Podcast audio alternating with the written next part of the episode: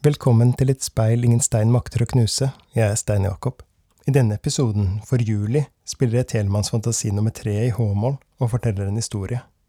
Skriabin forbinder musikk i H med fargen stålgrå, og Ernst Power skriver at denne svært melankolske tonearten forteller historier om stille forventning og tålmodig håp. Han har merket seg at nervøse mennesker lettere blir påvirket av denne tonearten enn andre.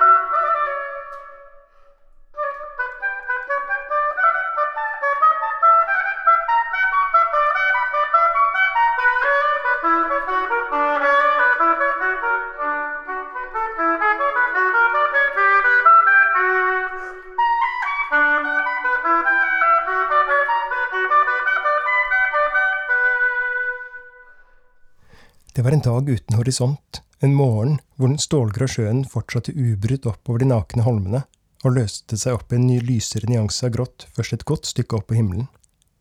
Et litt yr kom og gikk, og flaggene som var hengt opp i forbindelse med et av sommerens kulturarrangementer, orket bare så vidt å peke ut vindretningen. Det ville vært lett å avskrive denne dagen, som en glemt gjennomsnittsdag i juli. Jeg gikk den vanlige runden langs kaiene, forbi de samme båtene som pleier å ligge fordøyd her, forbi hurtigbåtterminalen og rundt småbåthavnen. Ute på moloen var vinden nesten helt fraværende. Det pleier alltid å blåse mer her enn inne i havnen. De første ukene jeg hadde bodd her, hadde jeg følt en prikking i kroppen før hver eneste morgentur. Alt fra den tredje dagen hadde jeg med et kamera for å fange alle skiftningene i været og lyset, men bildene kom igjen flate og luktfrie. Kameraet hadde klippet en flik av virkeligheten som visnet allerede før den nådde hjem. Som markblomster man bærer med seg på tur i håp om at de skal holde helt til man får satt dem i et kjøkkenglass på bordet, mens man glemmer i sekken til neste dag. Minner som ikke tålte at vi så vekk. Kanskje ligger feilen hos oss, at vi ikke vil at bildene skal vise oss hvordan det faktisk var, men heller smøre forestillingen om det som kunne ha vært, helt til det er det som blir det faktiske minnet. Jeg var kommet helt ytterst på moloen, hvor en liten fiskebåt satte kursen utover, mens den åpnet en usynlig glidelås i vannet, da jeg kom på hvilken dag det var. Det var bølgene fra kjølvannet som slo mot de spisse steinene i vannkanten som minnet meg på det.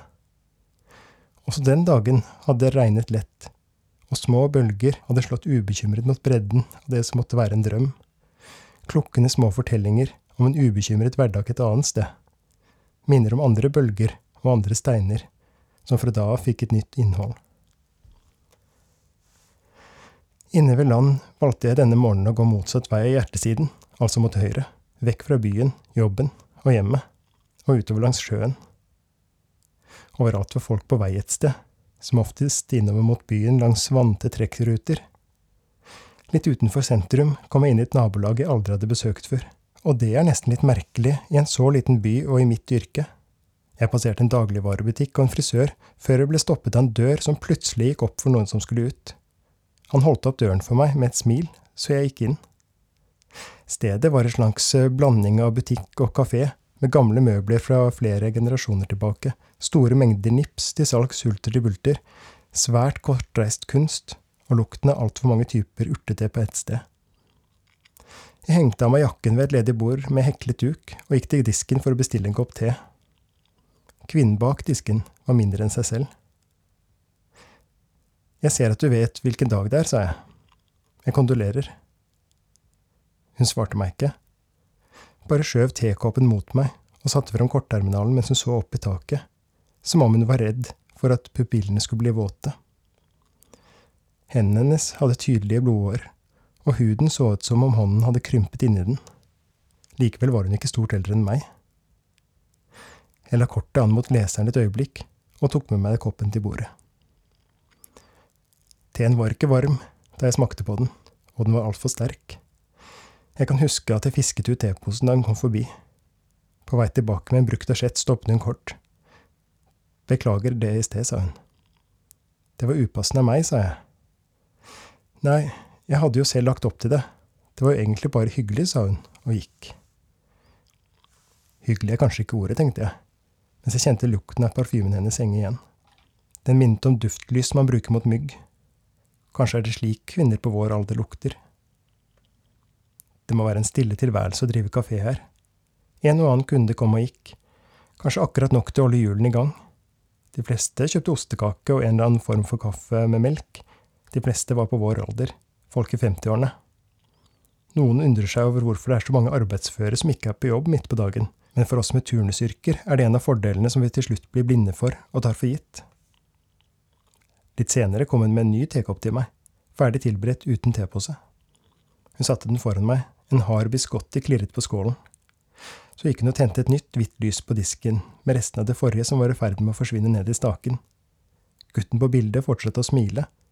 En flik av et liv som kameraet hadde klippet løs, men som fikk bli en del av virkeligheten igjen, da den ble presset som en tørket blomst mellom glasset i platen og rammen. Hun snudde seg, uten å legge hodet bakover for å skjerme pupillene. Du vet også hvilken dag det er? Ja, det gjør jeg. Det er en av de dagene alle vet hvor man var, og hva man gjorde. Hvor var du den dagen? spurte hun. Der. Der? Hvor? Der det skjedde, sa jeg. På øya. Først da det var for sent. Det var vel uansett ikke noe du kunne gjort til eller fra, sa hun etter en liten pause. Jeg var tilbake igjen. En andemor med tre små unger svømte en meter utenfor der de små bølgene slo mot spisse steiner duvende opp og ned i vannet. Et bilde som varmer meg hjem, uten at jeg hadde trengt noe kamera for å ta det med meg. De samme historiene spilte seg av igjen, på automatikk. Ingen av dem lignet det som faktisk skjedde. De blandet elementer av det vi trodde, det vi visste, det vi fikk vite, og det vi hadde tenkt ut i etterkant. Lydene var godt over vannet, lenge før båtene begynte å reise ut og inn. Vi var der da det startet, sa jeg, på den andre siden, ikke langt unna. Vi fikk melding om hva som skjedde, og at vi skulle avvente. Hva mener du nå, sa hun. Vi var to. Egentlig skulle vi hente en asylsøker som skulle tvangsreturneres, men så ble vi omdirigert da meldingene fra ungdommene begynte å komme inn. Hun ble stille. Kjøleskapet på kjøkkenet skrudde seg av. Platen som hadde spilt da jeg kom inn, måtte ha stoppet. Et gammelt gulvur klippet jevnstore biter av krydderlukten mellom bordene. Jeg fortsatte. Vi koordinerte arbeidet på land, og etter hvert tok vi imot de som kom inn med båtene, og hjalp dem opp i ambulansene. Da må jeg jo si at jeg er takknemlig for det du gjorde, sa hun og satte seg ned overfor meg.